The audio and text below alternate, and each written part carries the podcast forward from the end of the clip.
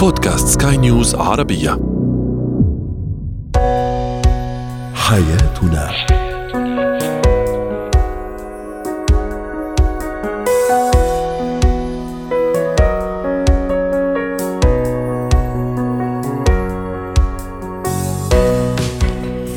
مستمعينا الكرام أهلا بكم معنا إلى حياتنا فضاؤكم اليومي الذي يعنى بشؤون الأسرة وباقي الشؤون الحياتية الأخرى والذي يمكنكم الاستماع إليه عبر منصة سكاي نيوز عربيه dot com slash podcast وباقي منصات سكاي نيوز عربية الأخرى. شاركونا عبر رقم الواتساب 00971 561 6223 معي أنا آمال شاب اليوم نتحدث عن الشريك غير الواثق من نفسه. كيف نتعامل مع هذا النوع؟ سواء كان زوجا أو زوجة. ما هي المعايير الصحيحة السليمة لاختيار عربة للأطفال. وأخيرا إتيكيت الجلوس في الطائرة. هو وهي. احترام الذات والاستحقاق الكبير هي من العلامات الأساسية للثقة الثقة الكبيرة بالنفس. اليوم نتحدث عن الشريك مش الواثق من نفسه العكس ذلك شريك شريك غير الواثق من نفسه. كيف نتعامل مع هذا النوع من الأزواج ومن الزوجات؟ للحديث عن هذا الموضوع رحبوا معي بالأستاذة لما الصفدي الاختصاصية النفسية والأسرية ضيفتنا العزيزة من دبي. سعد أوقاتك أستاذة لما. كان هذا سؤالنا التفاعلي كيف تتعامل مع شريك غير الواثق من نفسه؟ دعيني أستعرض بعض تعليقات السادة المستمعين على منصة سكاي نيوز عربية. تعليق يقول أحاول معه حتى يستعيد ثقته بنفسه. أيضا علي يقول تركه بكل بساطة. وأيضا لين تقول أنا لن أرتبط بشخص أو بشريك غير واثق يعني بنفسه من الأساس. أستاذ لما أكيد أنه الثقة بالنفس شيء كثير ضروري شيء يعني مهم جدا يعني في كل شخص. وأيضا في شريك الحياة مهم كثير كل شخص يحرص على أنه شريك حياته يكون عنده هذا القدر من الثقة بالنفس لأنه هي حياة يعني راح تستمر وفي مواقف وفي أشياء وفي في مواقف وفي أولاد وفي أطفال. لازم فعلا نكون عندنا هذا القدر الكبير من الثقة.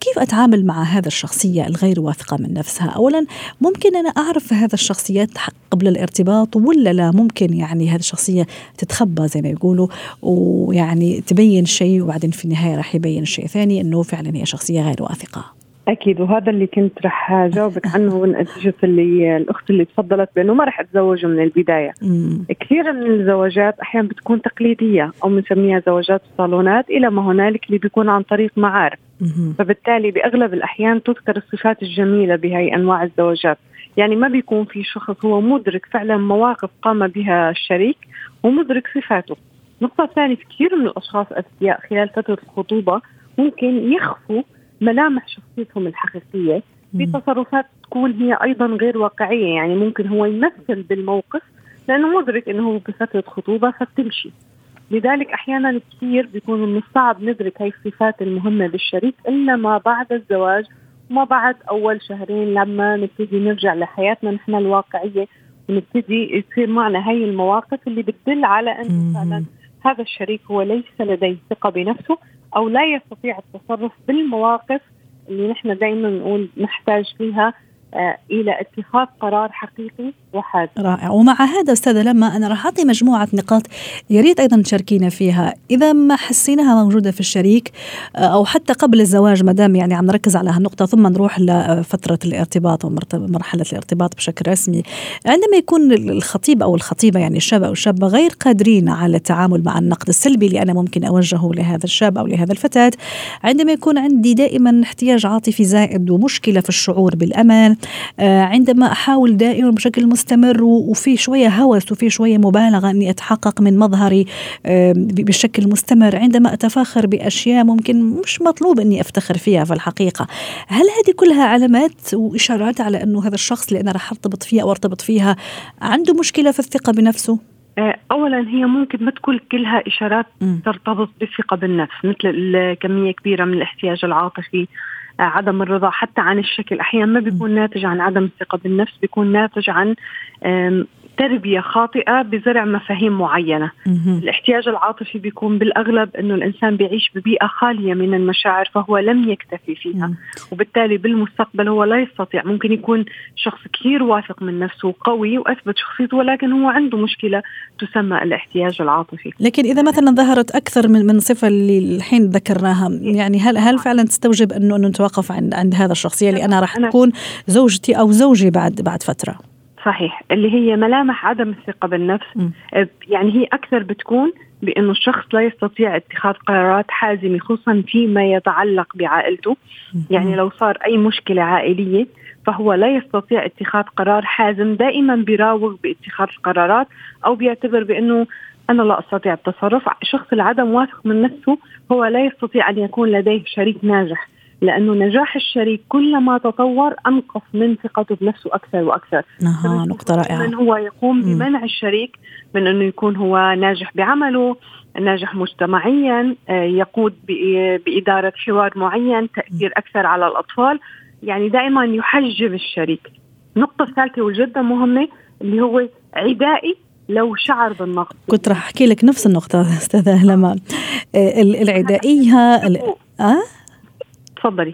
آه، العدائية الغضب أحيانا فورات الغضب غير مبرره آه، الإحباط في أحيان أخرى. هل أيضا هذه علامات واضحة على المشكلة اللي عم نحكي عليها اليوم؟ أكيد طبعا وخصوصا مثال كنت رح أذكر لك اياه بأنه أحيانا الأم بتقول بأنه أنا كنت مثلا بتناقش مع أولادي فجأة دخل الأب غاضب صرخ ضرب شتم وانسحب. لا المشكلة انحلت وتأذوا نفسيا. هون هذا الزوج بيكون عنده كثير مشكلة كبيرة بأنه هو ثقته بنفسه قليلة لم يستطع لا حل المشكلة وعندما يشعر بأنه زوجته هي المسيطرة فبالتالي هو تدخله فقط بيعطيه شعور بالرضا المبدئي. المؤقت المؤقت. في الموقف. وكذلك أيضا الزوجة اللي بتنفعل ممكن تعطي ردة فعل جدا عنيفة لو حست بانه زوجها هو عنده منصب اجتماعي معين أو هو مثلا مهم بالمجتمع أو في جلسة من الجلسات طرح حوار بشكل لفت الانتباه فاحيانا بنشوفها عدائية بتسلط الضوء على سلبياته تحكي دائما عنه بأشياء بالنقص لحتى تثبت للآخرين بانه هذا الشخص عنده أصلا كثير مشاكل هو ليس شخص كامل كما تروه دائما الشخص الواثق من نفسه هو الشخص الذي يحترم المقابل. ممتاز. أستاذة لما أكيد منه بشيء جميل ولا شيء سعيد إني أكون مرتبط أو مرتبطة بشخص غير واثق من نفسه وبشريك غير واثق من نفسه لأنه كما أشرنا في البداية هي حياة مستمرة وطويلة وفي مواقف وأولاد ومسؤوليات و و أنا إذا عم أتعامل مع هذا النوع من من الشريك من الزوج أو زوجة كيف أتعامل؟ ممكن أحتوي الموضوع؟ ممكن أتعايش مع الموضوع أتكيف مع الموضوع أغير من الشخص ولا أعطينا الحل؟ إيش الحل؟ اولا صحيح الحل هو الأهم. م. الفكرة التعايش هو غلط. دائما نحن بالمجتمعات العربية نسمع انفصال بعمر الأربعين والخمسين نتيجة كلمة تعايش. التعايش مع المشاكل هي ابدا ما بتكون حل إلها. اللي اللي بيصير بأنه أنا لما خلص أنا استوعبت عندي شريك عنده قلة ثقة بالنفس أول خطوة بعملها ببحث عن السبب هل هو أهله؟ تربيته هل كان يسائله وهو صغير ويتهمش؟ هل هو طريقة أحيانا عدم الرضا عن شكله؟ فأنا قيمت المشكلة مبدئيا لأصل للنقطة الثانية. النقطة الثانية والمهمة ببحث عن أي إيجابيات بسيطة بشخصيته وبسلط عليها الضوء. لما بكون في مكان عام دائما بتكلم عنه بأنه هو مثلا آه عنده نفس على الأكل آه بيطبخ بشكل جيد. وبحضوره طبعا بوجود هذا الشريك. طبعا. مم. طبعا. فبالتالي هو بصير أنا دربه وكأني بدأت بتربيته من أول وجديد. بدأت أعطيه هذا الشعور بأنه أنت تستطيع أن تكون أمام المجتمع. أنت لديك صفات إيجابية. بحاول دائما قلل من انتقاص من قدره حتى لو أخطأ. يعني لو أنا مثلا طلبت من شريكة حياتي تفاصيل في البيت جيت ما وجدتها. بالعكس بتسلط الضوء على أشياء جميلة هي صنعتها خلال اليوم. لو كان صنع فنجان قهوة.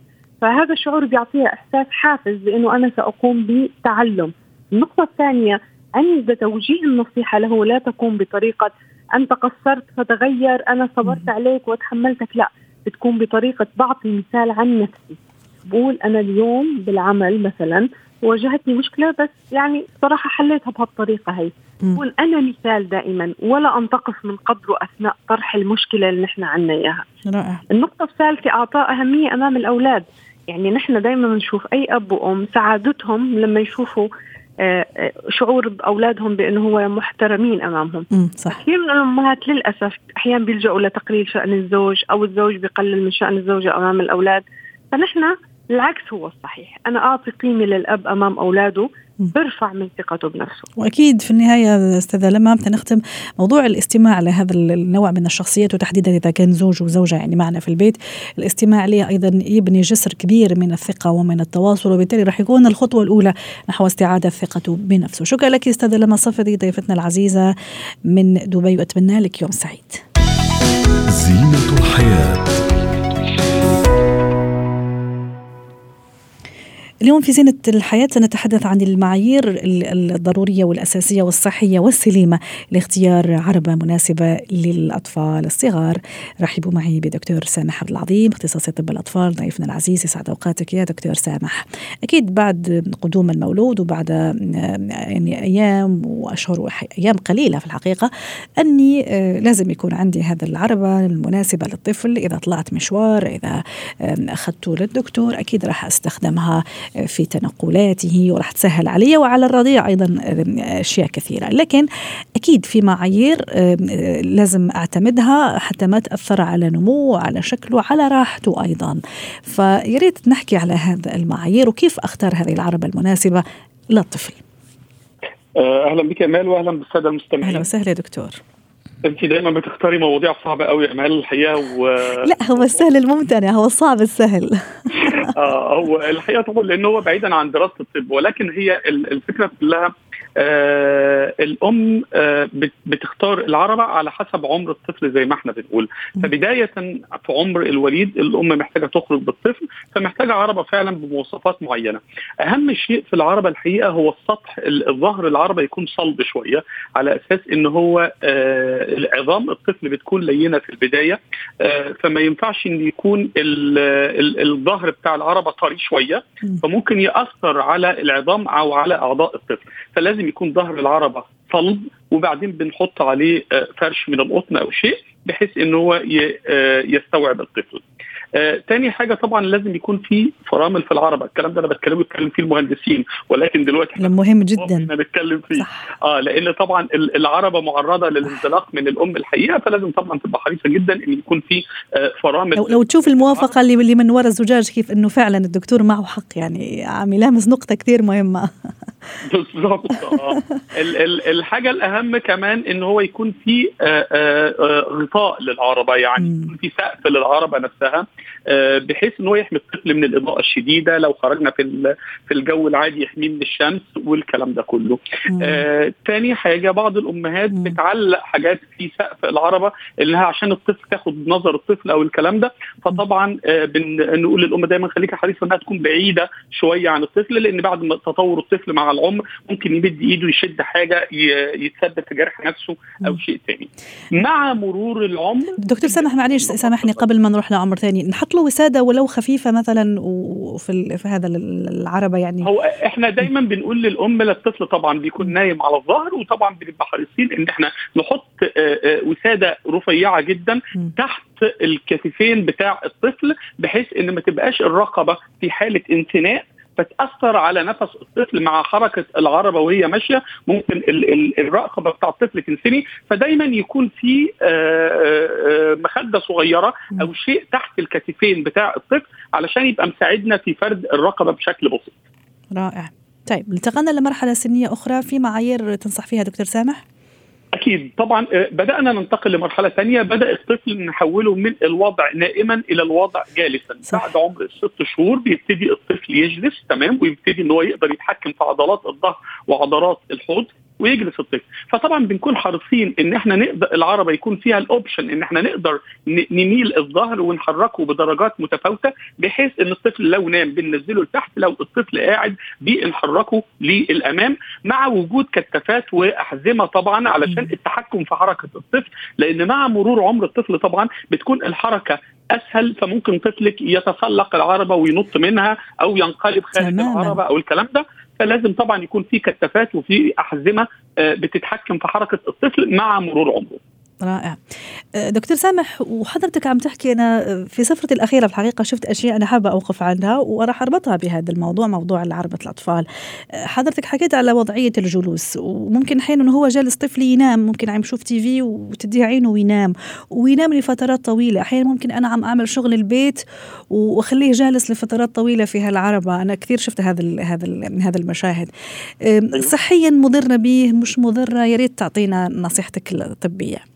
هو الحقيقة طبعا يعني ال ال النوم في وضع الجلوس بيخلي الطفل آه، خلاص بي آه، آه، الرقبة بتميل للأمام والرقبه بتنثني فده طبعا بيعرض الطفل لمشاكل في التنفس وصعوبة في التنفس وأكيد الأم هتسمع صوت لو الطفل نام في الوضعية دي. مش مستحب طبعا إن الطفل ينام في الوضعية دي حرصا على تنفسه ولكن الأم طبعا عينيها بتكون على طفلها حتى لو بتكون بتعمل شيء ثاني المفترض إنها بتتابع الطفل مش المفترض اطلاقا إن الطفل يغيب عن نظرها إذا الطفل بدأ ينام بيتاخد الطفل وينام في مكانه المحدد ليه على ظهره لأن طبعا إحنا عارفين إن ممنوع قبل عمر السنتين نوم الطفل في أي وضعية غير وضعية الظهر آه لأنها طبعا اتسببت في حالات وفاة كثير في الأطفال.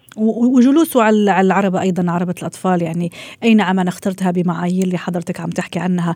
بس يعني ال maximum يعني أكثر شيء ممكن أخلي طفلي على هذا العربة ممكن مثل ما أشرت في البداية وقبل شوي ممكن عم يشوف TV وأنا مشغولة فبالنسبه لي أحسن إني أخليه في هالوضعية لأنه امن آه؟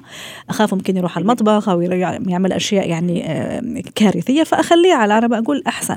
فشو شو الماكسيموم اللي أخليه على العربه أنت كده أمال بتتكلمي زي الامهات عاوزة تكتف الطفل وتحبسه. هو الحقيقة مش المفترض. ما أنا مش أنا أقول لك أنا شفت هذا هذا المنظر وحابة أسألك فيه علميا وطبيا. آه لا هو الحقيقة طبعا إن العربة وظيفتها محددة هي للانتقال بالطفل والحركة في أماكن خارج البيت مش المستحب استخدام العربة داخل البيت. ولكن إحنا ممكن الأم يكون في سرير صغير أو شيء معين للطفل بت بتنيمه عليه في ألعابه المعينة على حسب عمر الطفل. طبعا إحنا بنتكلم من عمر الرضيع غير عمر بعد ست شهور غير عمر بعد السنة لأن كل مرحلة لها حركات الطفل بيأديها وله وضعية معينة. يعني إحنا نعم. تيجي في وضعية بعد ست شهور الطفل بيبقى قادر على إن هو ينقلب من الظهر للأمام. فدي فيها خطورة إن الطفل ممكن يوقع نفسه أو حاجة زي كده. فلازم نكون متحكمين إن في آه، جوانب للمكان اللي الطفل موجود عليه علشان الطفل ما يقعش عليه. والحقيقة إحنا بنتعرض للحوادث دي كتير. صح. وأمهات بتجيلنا في العمر ده. الطفل وقع من على الكرسي الطفل وقع من على السرير. لأن طبعا أول ما الطفل بيبقى عنده القابلية والقدرة إن هو ينقلب هو عرضة للوقوع من على الأماكن العالية. مية بالمية. وحتى نختم مع حضرتك دكتور سامح من الضروري جدا وهذه طبعا هذه ملاحظة. يعني أكيد كل الناس عارفين بس معلش راح نذكر فيها أنه تكون في هالعربة مساحة كافية حتى نضع أغراض الرضيع مستلزماته حقيبته خاصة لما نطلع. هو يكون يعني مرتاح وأنا أكون مرتاحة من ناحية الأشياء ممكن اللي راح يحتاجها. حفاضات ممكن أكل حليب الأشياء الضرورية. ده الفكر الاقتصادي بتاع المرأة طبعا اللي هي بتستخدم اثنين في واحد زي ما بنقول طبيعي إنها محتاجة حاجات طفلها فيكون في أماكن للتخزين والكلام ده. ده جزء تكنيكال بعيد عن الجزء الطبي تقريبا يعني. شكرا لك لكن معليش نذكر فيه. شكرا لك دكتور سامح عبد العظيم. سعدتنا اليوم بمعلوماتك الرائعة والمفيدة دائما. يعطيك ألف عافية وأتمنى لك يوم سعيد.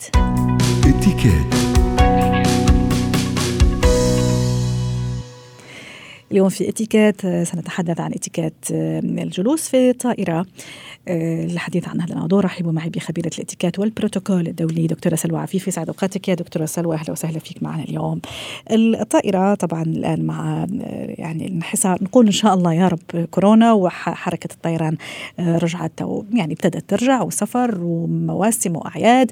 ف يعني راح تكون وسيلة كثير راح نستخدمها في الأيام المقبلة.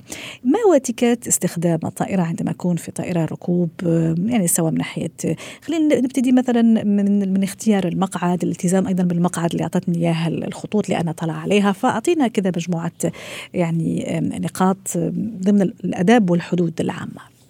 يسعد اوقاتك يا أستاذة أمال. سهلا. أهلا بيكي آه طبعا أكيد في أداب للطائرة وفي بس اسمحي لي أرجع خطوة إنه لابد إنه يعني يعني نتأكد من كل التجهيزات إن كانت الحقائب حسب الأحجام والأوزان المسموحة حتى لا نضع أنفسنا في مواقف محرجة.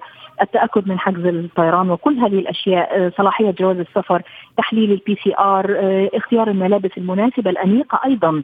يعني أنا بشوف ناس في المطار يمكن حتى إنه أحيانا تكون الرحلات طويلة بس مش لدرجة ملابس رياضية أو ملابس يعني حتى الشخص يخجل إن هو يلبسها في مكان عام. ومش درجة أيضا ملابس رسمية جدا للدرجة ممكن طبعا. الكعب العالي و... ويعني عرفتي كيف؟ يعني مبالغ فيه جدا يعني. بالضبط كده. يعني أكيد إن المطارات إحنا بنمشي فيها مسافات لابد أن الحذاء يكون مريح لابد الملابس أيضا تكون مريحة. إلا لو أنا كنت رايحة في مناسبة رسمية والاستقبال حيكون رسمي. 100% صحيح. وضع خاص صحيح. اذا آه، دخلنا على الكاونتر وبعد كده مثلا طلعنا الطائرة. لابد عند دخول الطائرة أيضا إنه نلقي التحيه على طاقم الطائرة نحسسهم إنه والله هم موجودين لخدمتنا. آه فدي حاجة يعني بتعطيهم ثقة أيضا. نضع لهم يعني نترك لهم الفرصة لإجلاسنا في الأماكن الرقم حسب رقم المقعد والحرف آه، الجلوس الالتزام بالقواعد مثلا ربط حزام الأمان عدم الحركة كثيرا. آه، لو أنا اللي فتحت الكومبارتمنت أو اللي هو الخزانة العليا أتأكد من إغلاقها أو أتركها للمتخصص في ذلك.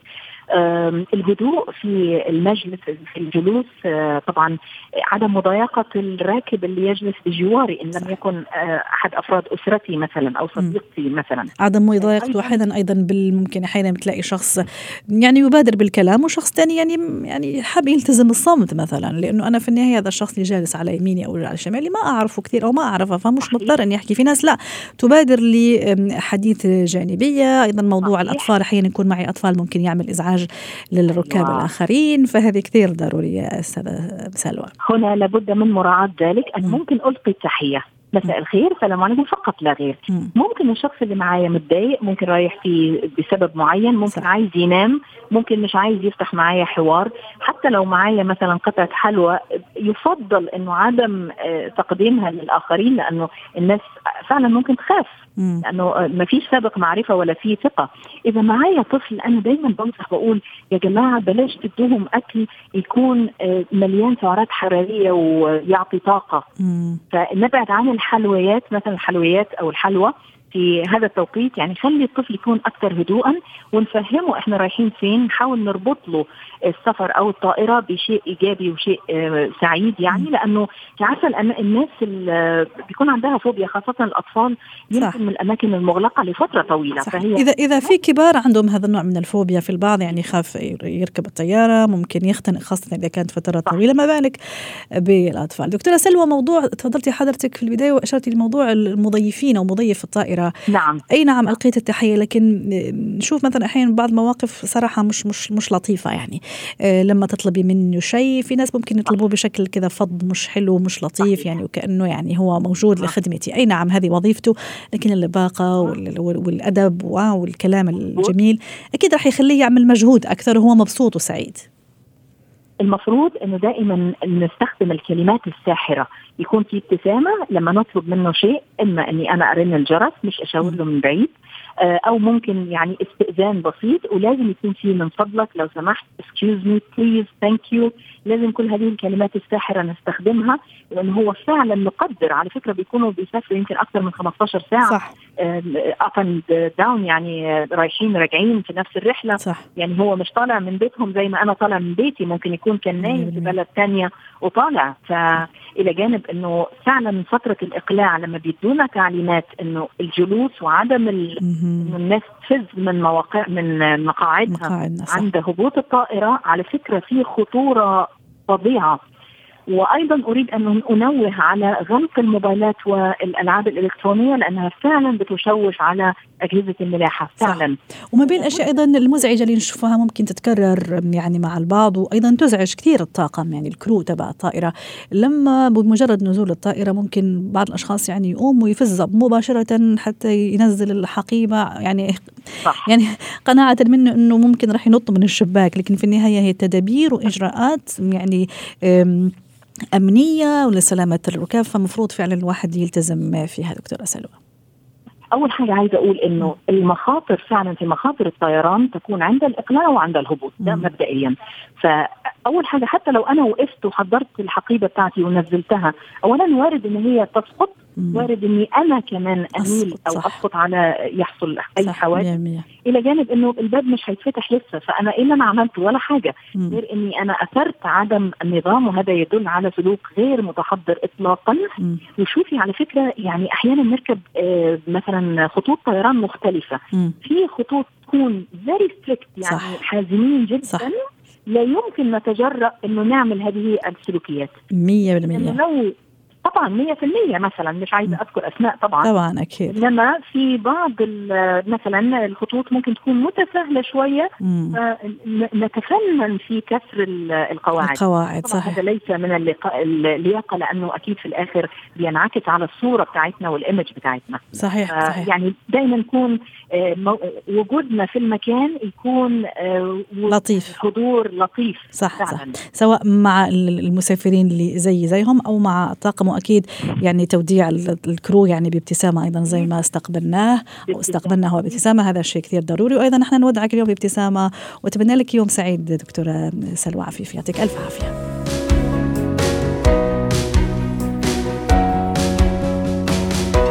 ختام حلقة اليوم من حياتنا. شكرا لكم وإلى اللقاء.